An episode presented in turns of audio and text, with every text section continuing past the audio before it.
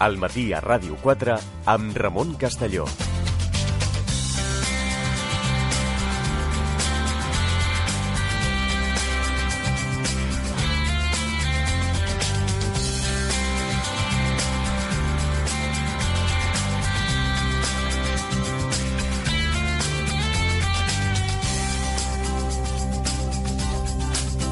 Ha actualitzat a l'Eloi eh, per part dels companys dels serveis informatius. A l'última hora, també evidentment al matí a Ràdio 4, pendents de com evolucioni el Suprem, eh, tot plegat, ja ha estat comunicada aquesta, aquest auto de processament del magistrat Pablo Llarena, com ens explicava l'Eloi, amb 13 persones encausades, eh, entre elles doncs, els màxims responsables polítics d'aquell moment del, del govern Puigdemont, amb pràcticament bona part de les de les àrees. Uh, seguirem, uh, seguirem atents uh, si tenim alguna novetat encara dintre del mar del matí a, a Ràdio 4 i, evidentment, um, atents uh, als serveis informatius uh, d'aquesta emissora amb tot el que anem, uh, amb tot el que anem uh, coneixent. Ara anirem a, continuarem en el format habitual del programa Moment d'anar cap al cinema. Guillem Femení, què tal, com ho tenim, això? Bon dia. Bé, bé, bé. Eh, bueno, setmana encara costa, eh, trobar... Però bé, hi han propostes inter... curioses no, no per cadascú. blockbusters per Setmana Santa? O... Sí, bueno, aquesta, setma- cada setmana hi ha un blockbuster que tira el carro, diguéssim. Aquesta setmana és Pacific Rim, Insurrección, que és la segona part d'aquella pel·lícula de Guillermo del Toro. No, si busqueu Guillermo del Toro no el trobareu en aquesta segona part, ja us aviso.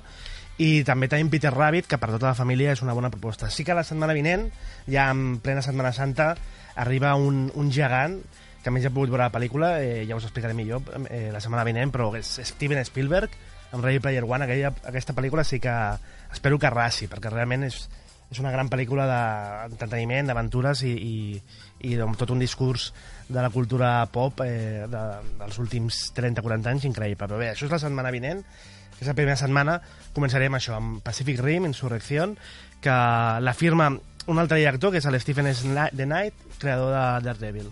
Abans d'anar abans Mhm. d'anar cap al eh, cap al tra cap al trailer de la pel·lícula, al tràiler, eh, deixem un moment eh, tornar on estàvem perquè tenim eh, la, la part dispositiva de la instrucció judicial on s'estableix la, la separació dels, eh, dels delictes. Rebel·lió, eh, això ja és el que ens explicava l'Eloi, els seus informatius, Carles Puigdemont, Oriol Junqueras, Jordi Turull, Raül Romeva, Antoni Comín, eh, Josep Rull, Dolors Bassa, Clara Ponsatí, Joaquim Forn, Jordi Sánchez, Jordi Cuixart, Carme Forcadell i Marta Rovira.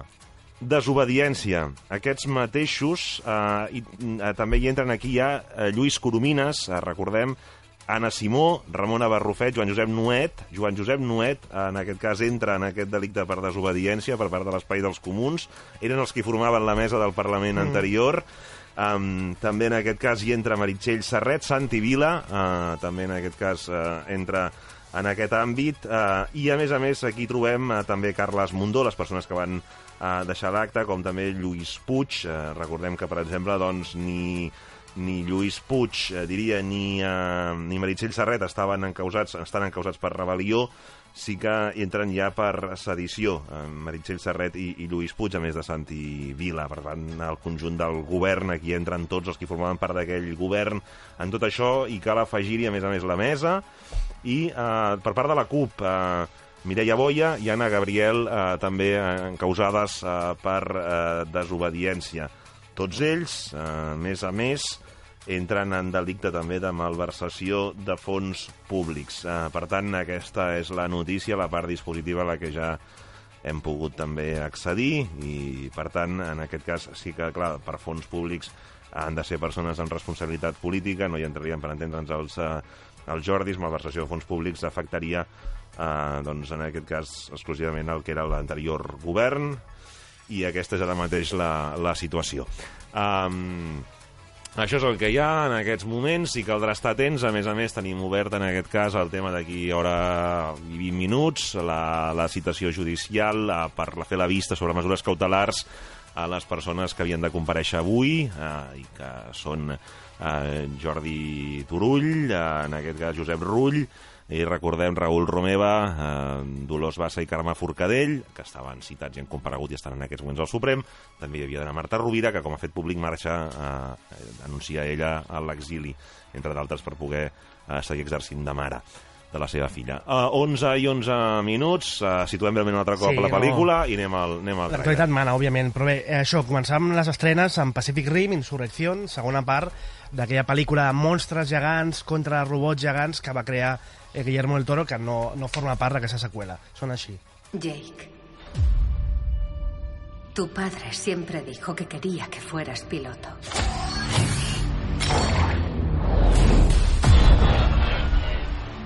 Decía muchas cosas. Pero yo no soy un héroe como él. Los Kaiju volverán.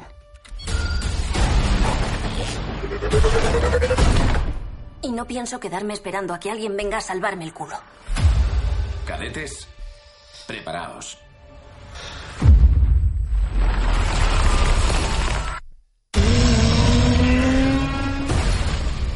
Doncs bé, pel·lícula de monstres eh, gegants, els kaiju, eh, que figura que és una raça alienígena que es cola a la Terra per una espècie de portal interdimensional i la humanitat va haver de construir una espècie de grans robots eh, per lluitar contra ells. No? Això era la primera part. Ara, 10 anys més tard, resulta que aquesta guerra es reprèn i tenim el, com a protagonista el fill d'un dels protagonistes de la primera part. Ja veieu que, diguéssim, és una segona part que ja eh, la majoria de la gent de la primera pel·lícula ja no la tens. No tens ni el prota, el Charlie Hunnam, ni l'Idris Elba, ni el del Toro.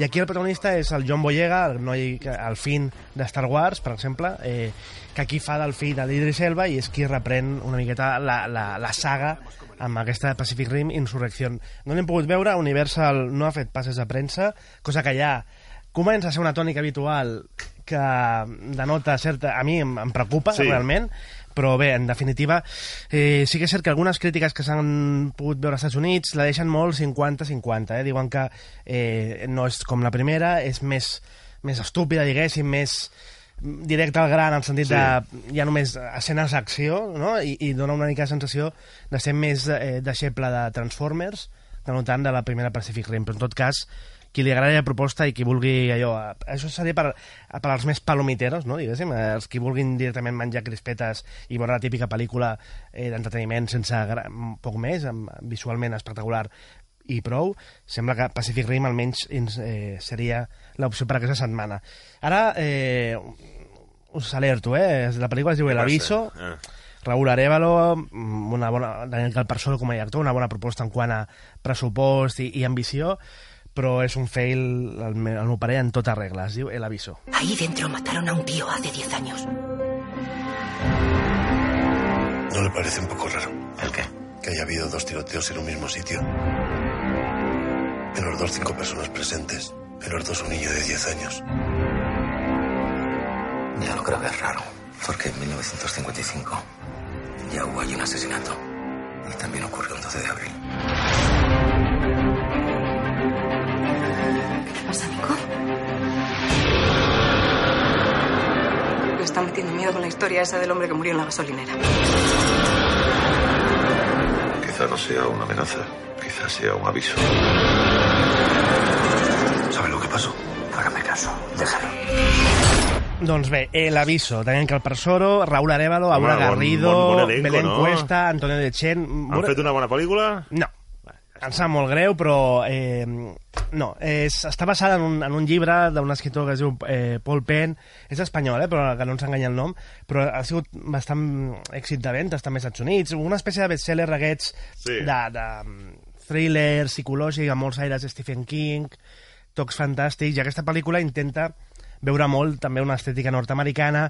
Per entendre'ns, aspira a ser el típic thriller psicològic dels 90 i amb l'intent es queda una paròdia involuntària, eh? perquè realment quan tu intentes tant ser una cosa que en el fons no pot ser, tira pel dret i intenta ser la, la cosa més, que pot ser, no? Eh, Un, producte més autèntic en aquest sentit i més orgànic.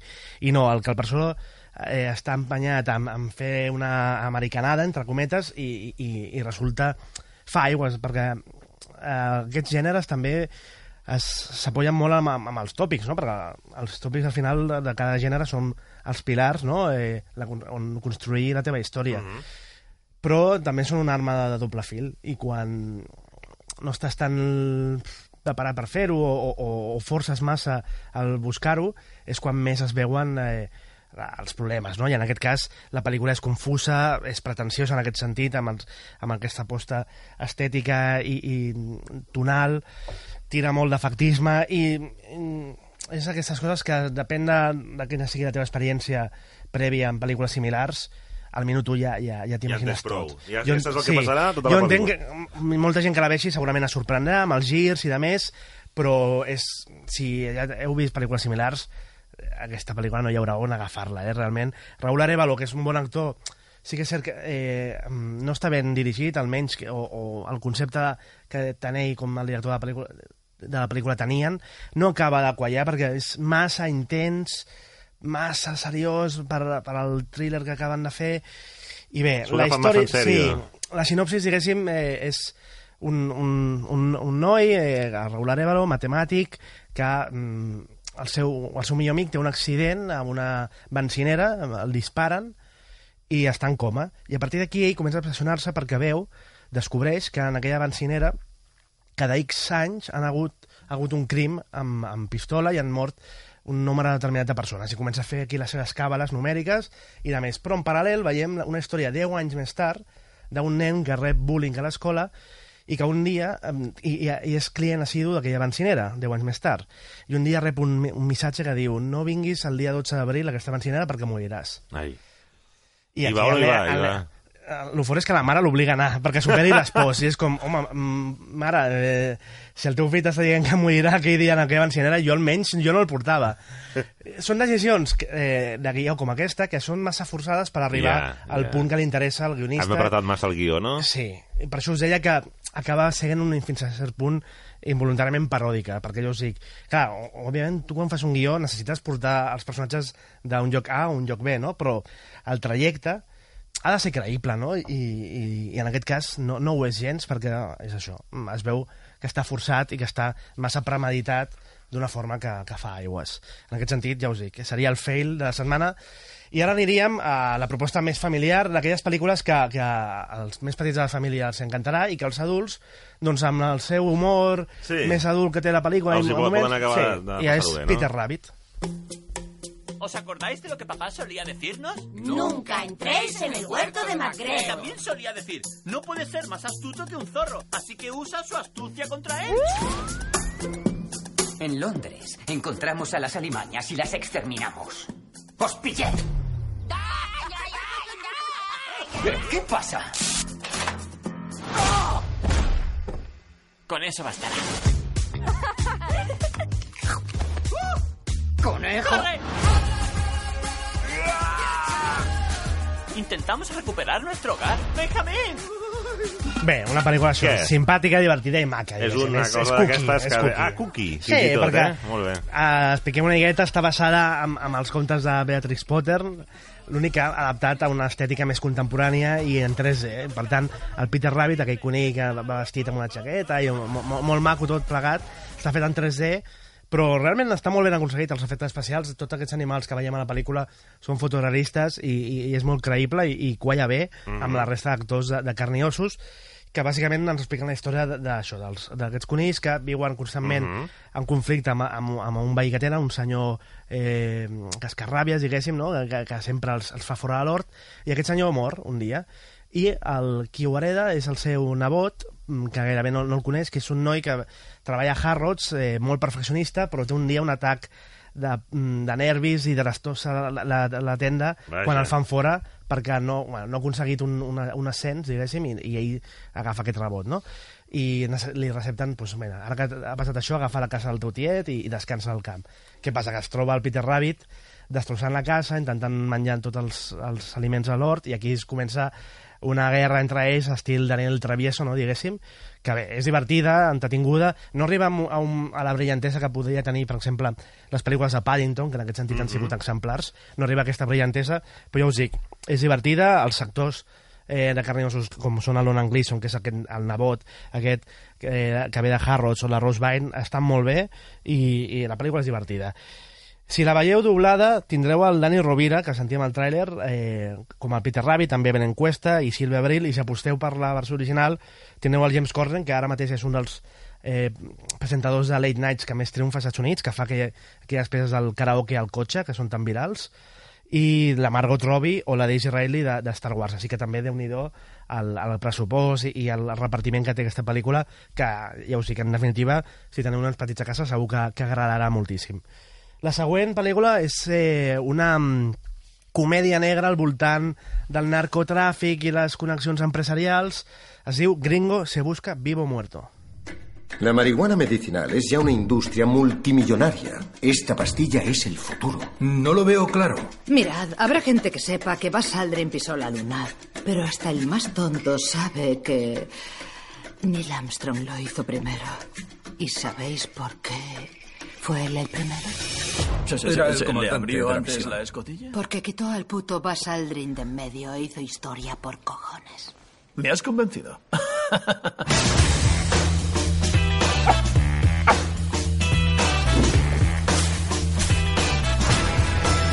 Harold, tío, tienes un problema. Estás arruinado. ¿Voy mal de dinero? Sí, peor imposible. ¡Harold! Mañana te vas a México. ¿Qué? Solo tienes que entregar la fórmula de la pastilla de María al laboratorio. Hola, compadre. No debería tocar el minibar, pero... Voy a hacerlo. Paso de todo. Voy a tomarme un lingotazo. Salud. Salud. ¡Órale! ¡Apúrate, cabrón!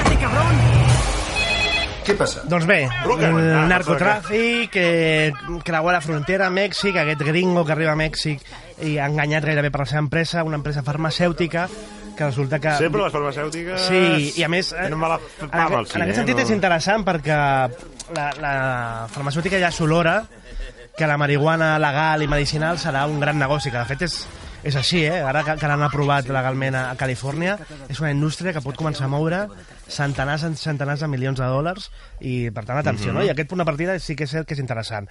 Llavors han d'anar a Mèxic i resulta que aquest empleat estava una miqueta enganyat per la companyia perquè té la companyia negocis amb certs patrons de la droga i ell, sense saber-ho, es troba al mig d'un embolic d'aquests mercenaris, Sí. eh, narcotraficants, eh, mules...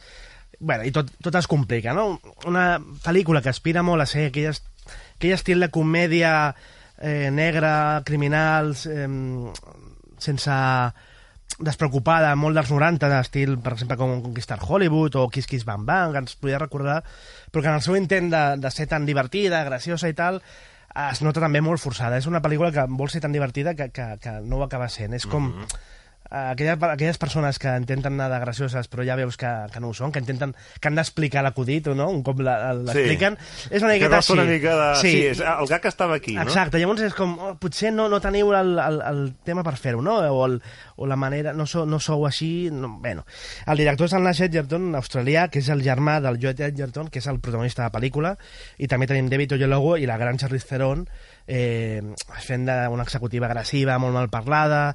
Bé, en definitiva, ja us dic, és una pel·lícula molt 50-50, eh? ens, ens deixa una sensació de, que, de molt potencial que no està gens aprofitat.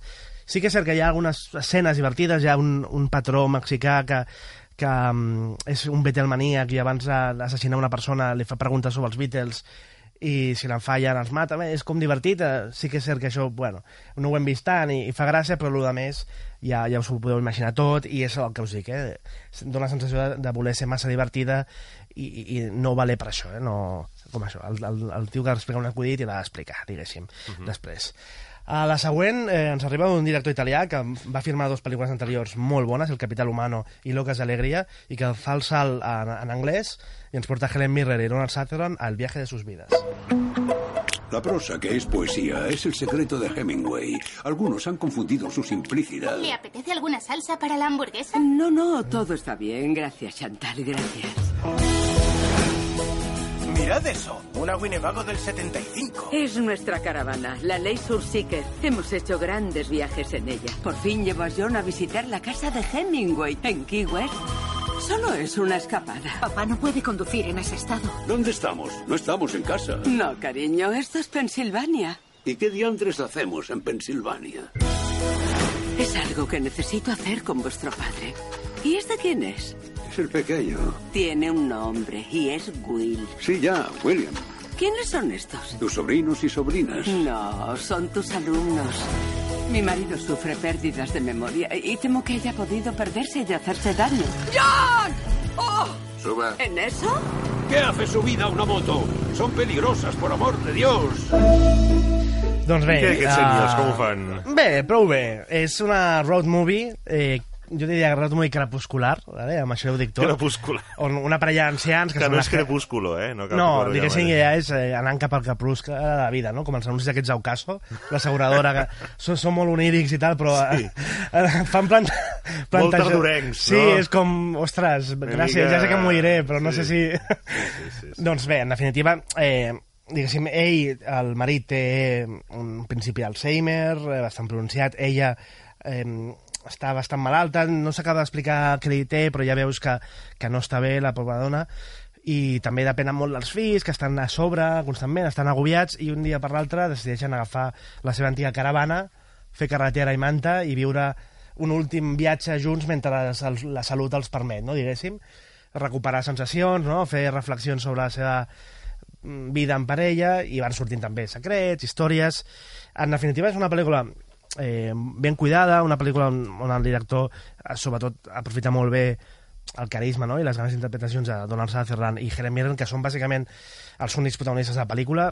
No hi ha tampoc grans secundaris al seu voltant, ni personatges que vagin apareixent tipus Odissea, no? que els hi vagin fent eh, situacions o més, i que malgrat que el tràiler o la proposta pugui semblar que sigui més allò una aventura d'aquests dos ancians que van descobrint coses i s'ho passen bé, no? i tenen algunes situacions còmiques, que és cert que les tenen, la pel·lícula guarda en, en, en si un missatge mm, no diré depriment, però sí decididament això crepuscular i, i d'una manera d'entendre la, la dignitat de, de, dels teus últims dies, no? I, i en el fons és una pel·lícula en aquest sentit un pèl dura, no?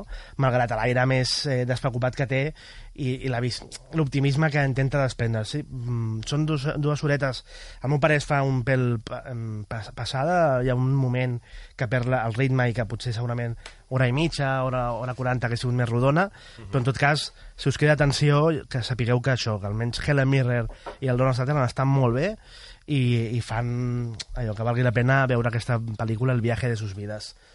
La següent pel·lícula, déu nhi és una pel·lícula que vam veure a Sitges, és l'últim tràiler d'aquesta secció. Uh, ens va agradar molt a Sitges i ens estem contents que arribi ara, malgrat que han anat canviant molt de dates, estrena, i, i no sé si estan molt convençuts de, de la distribució de la pel·lícula. En tot cas, aplaudeixo que s'estreni, eh, és pel·lícula noruega, es diu Telma. Som-hi. Hola,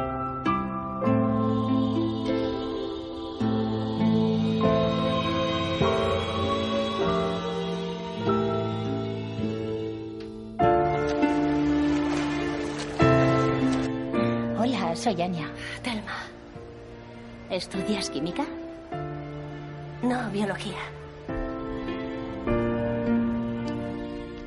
¿Le cuentas todo a tu padre? Sí. ¿No debería? ¿Qué pasa, Telma? Nada, papá.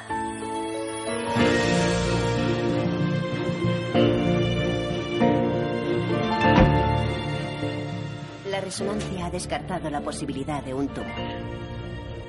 Tengo tu historial aquí.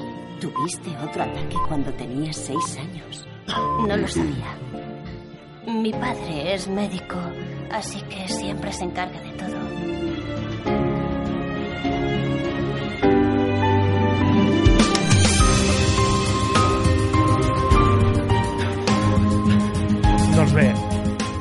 Telma, eh, pel·lícula noruega, el director Joaquim Trier, que per exemple fa un parell d'anys va estrenar Más fuerte, El amor és més fuerte que les bombes, amb, amb la Isabel Huppert, i en aquest cas és una història, podríem dir que sota el, el, el, el gènere fantàstic acaba explicant una història molt, molt personal, eh, que està molt bé, realment. La, la història és una noia que va a la universitat per primer cop, no? I, i comença a fer amistats i descobreix que sent amor per, cap a una noia i comença una relació lèsbica. El problema és que, a partir de que la comença, eh, ella eh, torna a tenir una sèrie d'episodis eh, semiepilèpsics, no s'explica molt bé, on, on té una espècie d'atac, on sempre que té l'atac eh, passa quelcom eh, paranormal al seu voltant, no? una espècie de tipus Carrie, per entendre'ns. Anem descobrint doncs, que la relació també amb la seva família és complicada, són una gent eh, molt tancada, eh, que l'ha criat, diguéssim, eh, gairebé aïllada al món, amb unes fortes conviccions cristianes, i mm, que segurament eh, els seus neguits interiors davant aquesta de, de, aquest descobriment sexual seu mm, fa que provoqui aquestes, aquests atacs que, bé, déu nhi eh, És un exemple de, de com el cinema de gènere eh, et pot permetre molts cops fer un metàfores sobre problemes reals, problemes molt personals, i en aquest cas la combinació funciona molt bé. A més, és una pel·lícula molt ben trobada estèticament, es nota aquí també l'escola escaninava, eh, que també crea una tensió forta al voltant d'un fet eh, traumàtic del passat d'aquesta família que vas descobrint a mesura que avança la pel·lícula i que està molt ben explicat en aquest sentit perquè et crea curiositat i la, la descoberta final és potent i, i la, on l'actriu, eh, la Ellie Harboy, està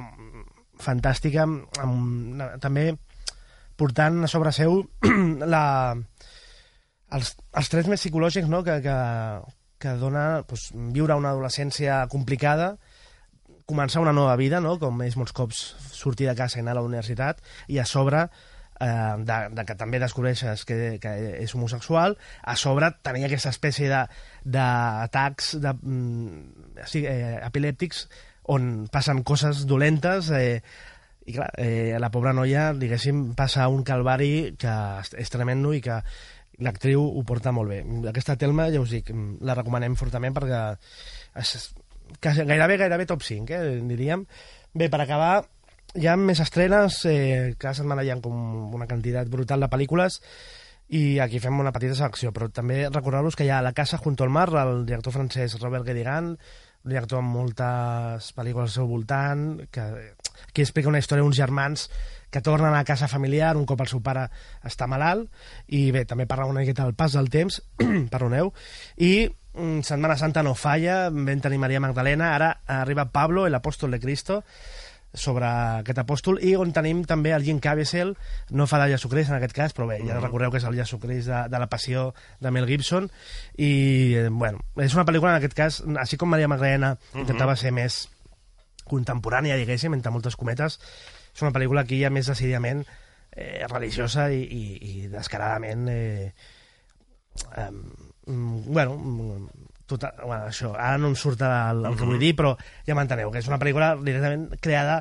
des, des d'una perspectiva molt catòlica i, i, i molt antiga, no?, en aquest sentit.